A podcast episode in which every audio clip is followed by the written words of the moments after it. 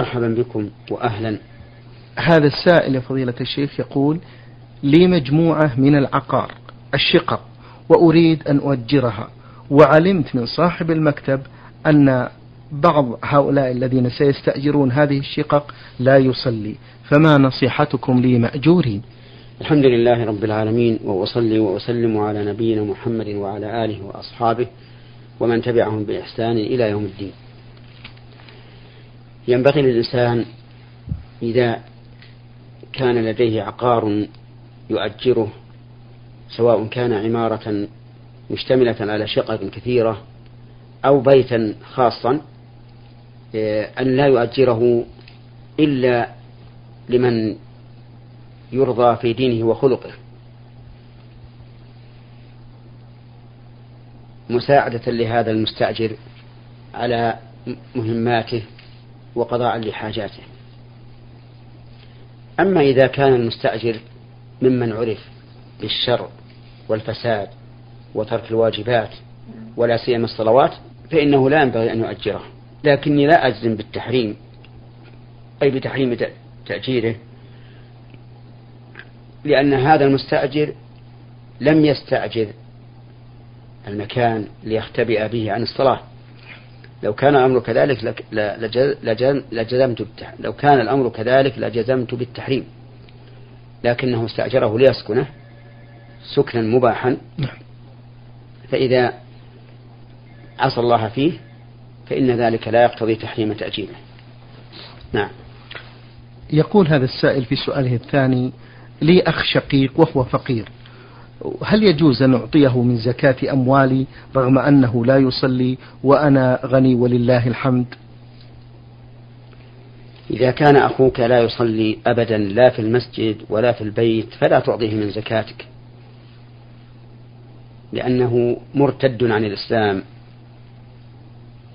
إلا إذا اشترطت عليه أن يعود إلى دينه ويصلي فحينئذ أعطه أولا صدقة تأليفا له على الإسلام وترغيبا له فيه ثم إذا استقام ومشت أحواله على الوجه المرضي فأعطه من زكاتك وإن لم يكن له أولاد وأنت وارثه الوحيد فإنه يجب عليك أن توفر له النفقة من مالك لا من الزكاة نعم. يقول إذا أصابت الإنسان جنابة هل يكتفي بالاستحمام دون الوضوء أو أنه يلزمه الوضوء بعد الاستحمام؟ نعم. إذا أصاب الإنسان جنابة فإنه يكفيه الغسل عن الوضوء لكن لا بد من المضمضة والاستنشاق. ودليل ذلك قوله تبارك وتعالى وإن كنتم جنبا فاطهروا ولم يذكر صفة معينة. فإن قال قائل هذا مجمل والسنة بينت أنه لا بد من الوضوء قبل الغسل ومن غسل الرأس ثلاثا قبل غسل بقية البدن حسب ما جاءت به السنة. قلنا هذا الإيراد وارد لكن قد ثبت في صحيح البخاري في حديث عمران بن حسين الطويل في قصة الرجل الذي اعتزل القوم ولم يصلي فسأله النبي صلى الله عليه وعلى آله وسلم عن ذلك فقال أصابتني جنابة ولا ماء. فقال عليك بالصعيد فإنه يكفيك. ثم حضر الماء فأعطى هذا الرجل منه وقال خذ هذا أفرقه على نفسك. ولم يبين له صلى الله عليه وسلم كيفية معينة فدل هذا على أنه متى حصل تطهير جميع البدن ارتفع ارتفعت الجنابة. ويدخل الحدث الأصغر في الحدث الأكبر كما تدخل العمرة في الحج في من حج قارنا. نعم. بارك الله فيكم. هذه سائلة تقول أسأل في سؤالي هذا هل يجوز للمرأة أن تصلي سنة الفجر بعد انتهاء الصلاة في المساجد أم لا؟ نعم. يجوز للمرأة أن تصلي سنة الفجر ولو بعد أن فرغ الناس من صلاة الجماعة لأنها غير مرتبطة بهم. ومن المعلوم أن سنة الفجر تكون قبلها. فإذا قدر أنها لم تستيقظ إلا بعد أن خرج الناس من صلاة الجماعة فإنها تصلي الراتبة أولا ثم تصلي الفريضة ثانيا. نعم. في سؤالها الثاني تقول هذه السائلة هل يجوز للمرأة أن تتصدق بنصيبها من ميراث الزوج على إخوان الزوج؟ نعم. يجوز أن تتصدق الزوجة بنصيبها من زوجها على إخوان زوجها. إن كانوا فقراء وإن كانوا أغنياء فيكون ذلك هدية وتبرعا. نعم.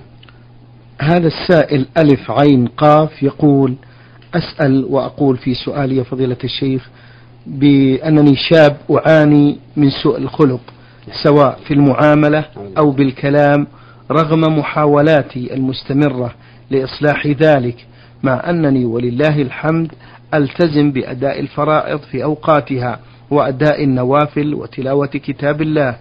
هل من علاج لهذا الأمر؟ وجهوني جزاكم الله خيرا. الذي يظهر أن علاج هذا الأمر سهل ما دام هذا السائل على الوصف الذي ذكره فإنه ينبغي له إذا غضب أن يحبس الغضب وأن يكظمه. لأن رجلا سأل النبي صلى الله عليه وعلى آله وسلم فقال أوصني قال لا تغضب. ردد مرارا قال لا تغضب. فليعالج نفسه بتهدئة أعصابه. وإذا غضب استعاذ بالله من الشيطان الرجيم. ثم إن كان قائما جلس وإن كان جالسا اضطجع. ولا يلزم أن تأتي الأمور دفعة واحدة وتصلح الحال. ربما يكون ذلك بعد معالجة طويلة لكن لا يترك نفسه من العلاج. ثم إنه ينبغي أيضا بل يجب أن يتوجه إلى الله تعالى بالدعاء في أن يعصمه من هذا الخلق. الذميم والله سبحانه وتعالى إذا علم من من عبده صدق التوجه إليه والافتقار إليه فإنه يعينه ويثيبه. نعم.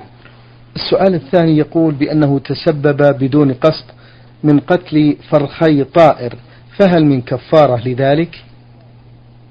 ليس عليه شيء في هذا إطلاقا لا إثم ولا كفارة لأنه لم يتعمد ولم يتقصد يقول اختيار الأسماء للأطفال مثل أفنان آلاء من القرآن هل في ذلك حرج؟ الكلام على نفس الاسم. نعم. هل فيه محذور فإنه لا يسمى به سواء كان مما جاء في القرآن أم أم لا. أما إذا لم يكن فيه محذور فلا بأس به سواء كان مما جاء في القرآن أم مما, لم مما لم يأتي به. السائل من السودان يقول هل يجوز أو هل تجوز قراءة القرآن على الأموات وذلك في المآتم التي تعمل لهم؟ وقد يستمر هذا المأتم لمدة ثلاثة أيام. وكذلك نرجو من فضيلتكم أن تبينوا لنا هل هذه المآتم التي تقام للأموات جائزة؟ المآتم التي تقام للأموات أدنى ما يقال فيها أنها مكروهة لأنها بدعة لم تكن من عادة السلف الصالح. وقد قال النبي صلى الله عليه وعلى آله وسلم كل بدعة ضلالة. وما ينفق فيها من الأموال إن كان من ورث من تركة الميت وفيهم صغار فإن ذلك جناية فإن ذلك جناية على الصغار. وأكل لأموالهم بالباطل. ثم إن ما يقرأ فيها وما يتلى من كتاب الله. ليس فيه أجر لأن غالب القراء الذين يقرؤون إنما يقرؤون بأجرة. والقارئ إذا قرأ القرآن بأجرة لم يكن له ثواب عند الله وثوابه ما ناله من أمر الدنيا. وإذا لم يكن له ثواب عند الله لم ينتفع الميت بقراءته. لأنه ليس فيها أجر.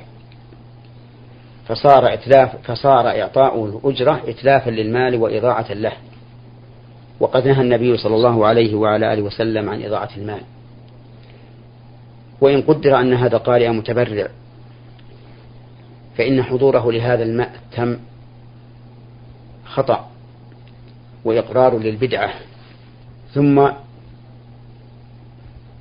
إن العلماء قد اختلفوا هل ينتفع الميت بقراءة الحي؟ فمنهم من قال إنه ينتفع ومنهم من قال إنه لا ينتفع. وإن نصيحتي لإخواني الذين يص... الذين يصنعون هذه المآتم أن يتقوا الله عز وجل وأن لا يتعدوا منهج السلف الصالح فكله خير. وقد قال جرير بن عبد الله كنا نعد الاجتماع إلى أهل الميت وصنع الطعام من النياحة. والنياحة من كبائر الذنوب لأن النبي صلى الله عليه وعلى آله وسلم لعن النائحة والمستمعة.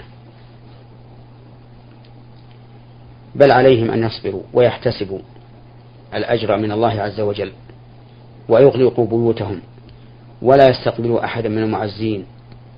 اللهم إلا الأقارب الخاصين فيمكن أن يدخلوا ويعزوا إخوانهم أو أقاربهم. وأما فتح الباب للناس فإن ذلك ليس من هدي السلف الصالح. نعم. بارك الله فيكم.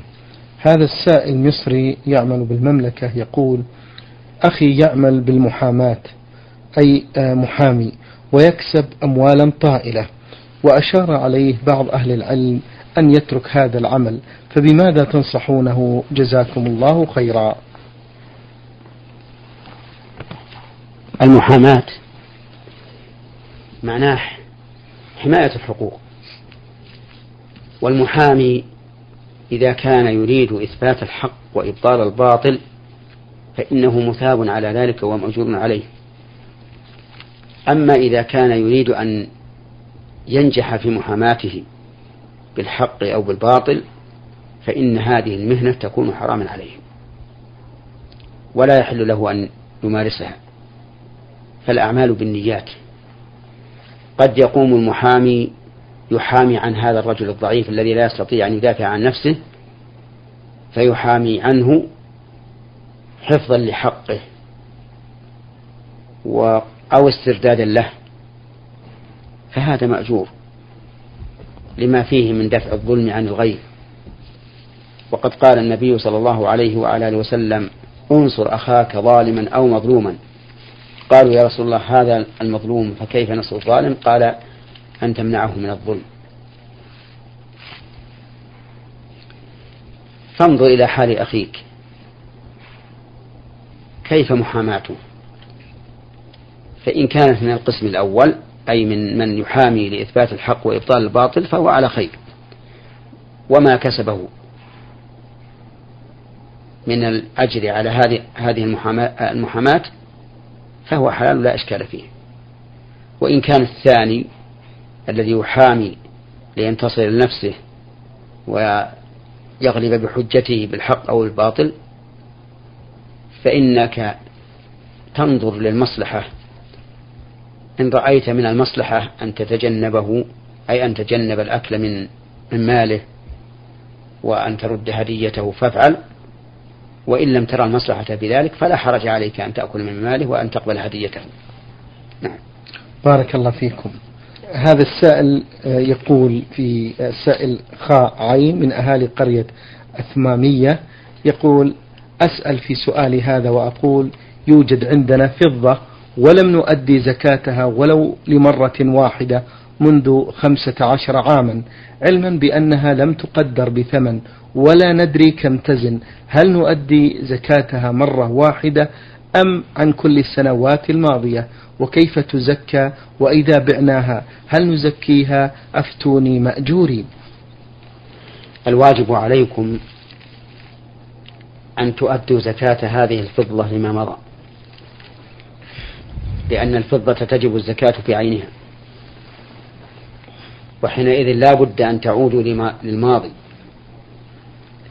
وتعرفوا كيف تكون قيمة هذه الفضة عند حلول حول الزكاة. فتخرج الزكاة بحسب ما تكون قيمتها. فإذا قدرنا أن هذه الفضة تساوي في السنة الأولى عشرة آلاف ريال فأخرجوا زكاة عشرة آلاف ريال. في السنة الثانية نزلت الفضة فصارت تساوي ثمانية آلاف ريال أخرجوا زكاة ثمانية آلاف ريال. في السنة الثالثة زادت الفضة فصارت تساوي خمسة عشر ألف ريال أخرج زكاة خمسة عشر ألف ريال وهلم جرا تقيسون على هذا. وإنني بهذه المناسبة أود أن أحذر إخواني المسلمين من التهاون بأمر الزكاة لأن الله سبحانه وتعالى خوف عباده في قوله والذين يكنزون الذهب والفضة ولا ينفقونها في سبيل الله فبشرهم بعذاب أليم يوم يحمى عليها في نار جهنم فتكوى بها جباههم وجنوبهم وظهورهم هذا ما كنزتم لأنفسكم فذوقوا ما كنتم تكنزون. وفي الصحيح عن أبي هريرة رضي الله عنه أن النبي صلى الله عليه وسلم قال ما من صاحب ذهب ولا فضة لا يؤدي منها حقها. وفي لفظ زكاتها إلا إذا كان يوم القيامة صفحت له صفائح من نار وأحمي عليها في نار جهنم فيكوى بها جنبه وجبينه وظهره كلما بردت أعيدت في يوم كان مقداره خمسين ألف سنة حتى يقضى بين العباد ثم يرى سبيله إما إلى الجنة وإما إلى النار. فليحذر الأغنياء من مغبة التهاون بزكاة أموالهم. وليعلموا حق العلم أن النبي صلى الله عليه وعلى آله وسلم قال ما نقصت صدقة من مال. بمعنى أن الصدقة لا تنقص المال بل تزيده بركة ونموا وتحميه من الآفات. نسأل الله أن يعيننا على أنفسنا وأن يقينا شح أنفسنا. اللهم آمين بارك الله فيكم.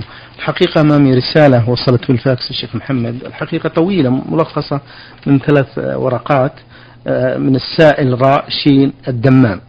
يذكر في هذه الرسالة ويقول بأنه شاب يبلغ من العمر الخامسة والثلاثين يقول ولدي والدتي وهي كبيرة في السن وأعيش معها في البيت. كانت حياتي مع والدتي منذ الطفولة جميلة مملوءة بالسعادة حتى آه، أتى عام 1401 هجرية تقريبا وبدأت معاملتها لي تختلف أصبح الحب كراهية وبدأت يا فضيلة الشيخ حياتي معها آه، صعبة جدا. يقول هذا العذاب الذي عشته آه، مدة 14 سنة تقريبا سأوجزه لفضيلتكم آه، آملا أن أجد الإجابة الشافية الواضحة التي هي مستمدة من شريعتنا السمحة. أرى أن الواجب عليك أن تصبر على هذه الأسئلة التي توردها أمك عليك لأنه لا يضرك أن تقول ذهبت إلى كذا وذهبت إلى كذا.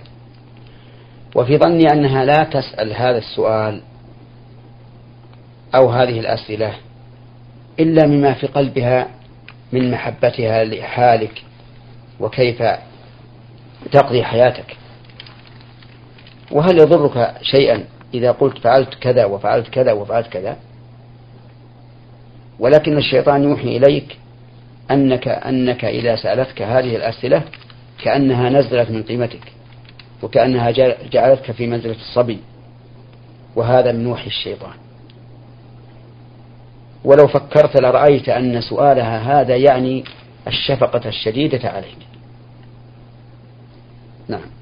آه، في النقطة الثانية فضيلة الشيخ يذكر بأنها تغتاب عند الجيران والمعارف والأقارب. نعم. وأما النقطة الثانية وهي كونها تغتاب عند الجيران والمعارف والأقارب فإني أوجه إليها النصيحة وأقول لها إن اغتياب اغتيابها لولدها من كبائر الذنوب. ويزداد كبيرة إذا كان في ولدها إذا كانت الغيبة بولدها لأن ولدها من أقاربها بل هو أقرب الناس إليها. وفي غيبته قطع للرحم. وقد قال النبي صلى الله عليه وعلى آله وسلم لا يدخل الجنة قاطع يعني قاطع رحم. وقال الله تعالى في كتابه فهل عسيتم إن توليتم أن تفسدوا في الأرض وتقطعوا أرحامكم؟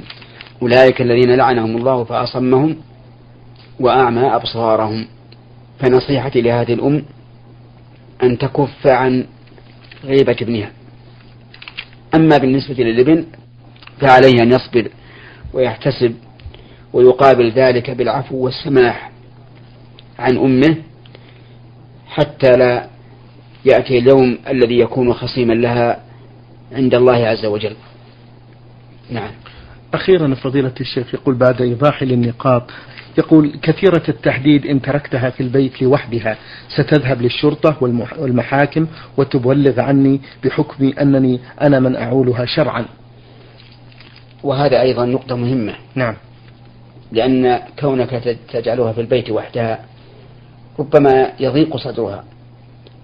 ويرد على قلبها تخيلات فاسدة وأوهام لا صحة لها. فلا تصبر على ذلك. وربما يكون غيبتها لك عند الأقارب والجيران. ربما يكون سببه هذا أنك تضيق صدرها إذا خرجت عنها وتركتها في البيت وحدها. وأنت تعرف أن الكبيرة ليست كالشابة. فنصيحتي لك أن تتزوج. وأن تجعل امرأتك عند أمك حتى تعيش في حياة سعيدة. نعم. طيب يا شيخ محمد يقول بعد إيضاحي للنقاط أقول في هذا السؤال بعدما رأيت منها من خلال الأربعة عشر سنة الماضية لا أريد أن أكون مسؤولا عنها يقول بالنسبة لأنني أنا من يعولها شرعا. هذا الإلزام الشرعي هل بالإمكان أن يعفيني منه الشرع؟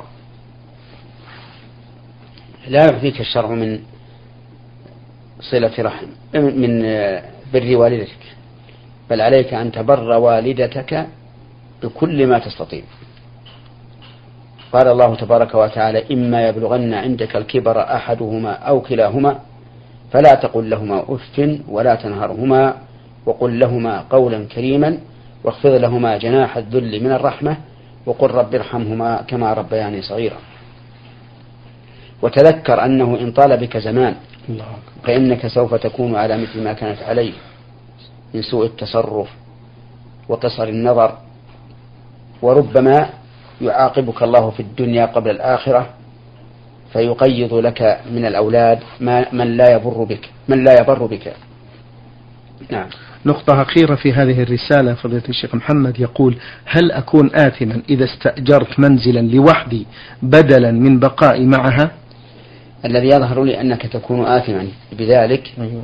لأنها إذا كانت في حال تأخرك عن المجيء إليها تضجر وتتألم وتتأذى فإنك إذا استأجرت بيتا سيكون هذا أشد عليها وأثقل وبذلك تكون جررت على نفسك إثما وبعدت عن أمك نسأل الله أن يهديك لها وأن يهديها لك اللهم آمين وأن يعيننا وإياك على بر والدينا أحياء وأمواتا. اللهم أمين. بارك الله فيكم وفضيلة الشيخ. نختم هذا اللقاء شيخ محمد حفظكم الله بسؤال للمستمع خاء ميم عين يقول في هذا السؤال أرجو الإفادة آه، عن عدم الخشوع في الصلاة ونقطة أخرى ما هي صلاة التسبيح؟ وما صفتها؟ ومتى وقتها؟ أما صلاة التسبيح فلا صحة لها. عن النبي صلى الله عليه وعلى آله وسلم وقد بين شيخ الإسلام ابن تيمية رحمه الله أن حديثها باطل لا يصح وقال لم يستحبها أحد من الأئمة وأما الخشوع في الصلاة نعم. فإن من أكبر أسبابه أن يتفرق الإنسان من أشغاله الدنيا وأن لا تكون منه على بال فيما إذا حان وقت الصلاة وأن يستحضر عظمة من هو بين يديه وهو الله عز وجل لأن المصلي إذا قام يصلي فإن الله تعالى يكون قبل وجهه. وهو سبحانه وتعالى يناجيه. فقد ثبت في الصحيح من حديث أبي هريرة رضي الله عنه أن النبي صلى الله عليه وعلى آله وسلم قال قال الله تعالى قسمت الصلاة بيني وبين عبدي نصفين فإذا قال الحمد لله رب العالمين قال حمدني عبدي وإذا قال الرحمن الرحيم قال أثنى علي عبدي. وإذا قال مالك يوم الدين قال مجدني عبدي. وإذا قال إياك نعبد وإياك نستعين قال الله هذا بيني وبين عبدي نصفين. وإذا قال اهدنا الصراط المستقيم قال الله إلى آخره قال الله هذا لعبدي ولعبدي ما سأل. فأنت ترى أن الرب عز وجل يناجيك في صلاتك. فإذا شعرت هذا الشعور فسوف تستحضر ما تقول في صلاتك وسوف يخشع قلبك بإذن الله. لأن الله تعالى يعلم خائنة الأعين وما تخفي الصدور. شكر الله لكم يا فضيلة الشيخ وبارك الله فيكم وفي علمكم ونفع بكم المسلمين. أيها الإخوة الأحباب أيها الإخوة المستمعون الكرام أجاب على أسئلتكم فضيلة الشيخ محمد بن صالح.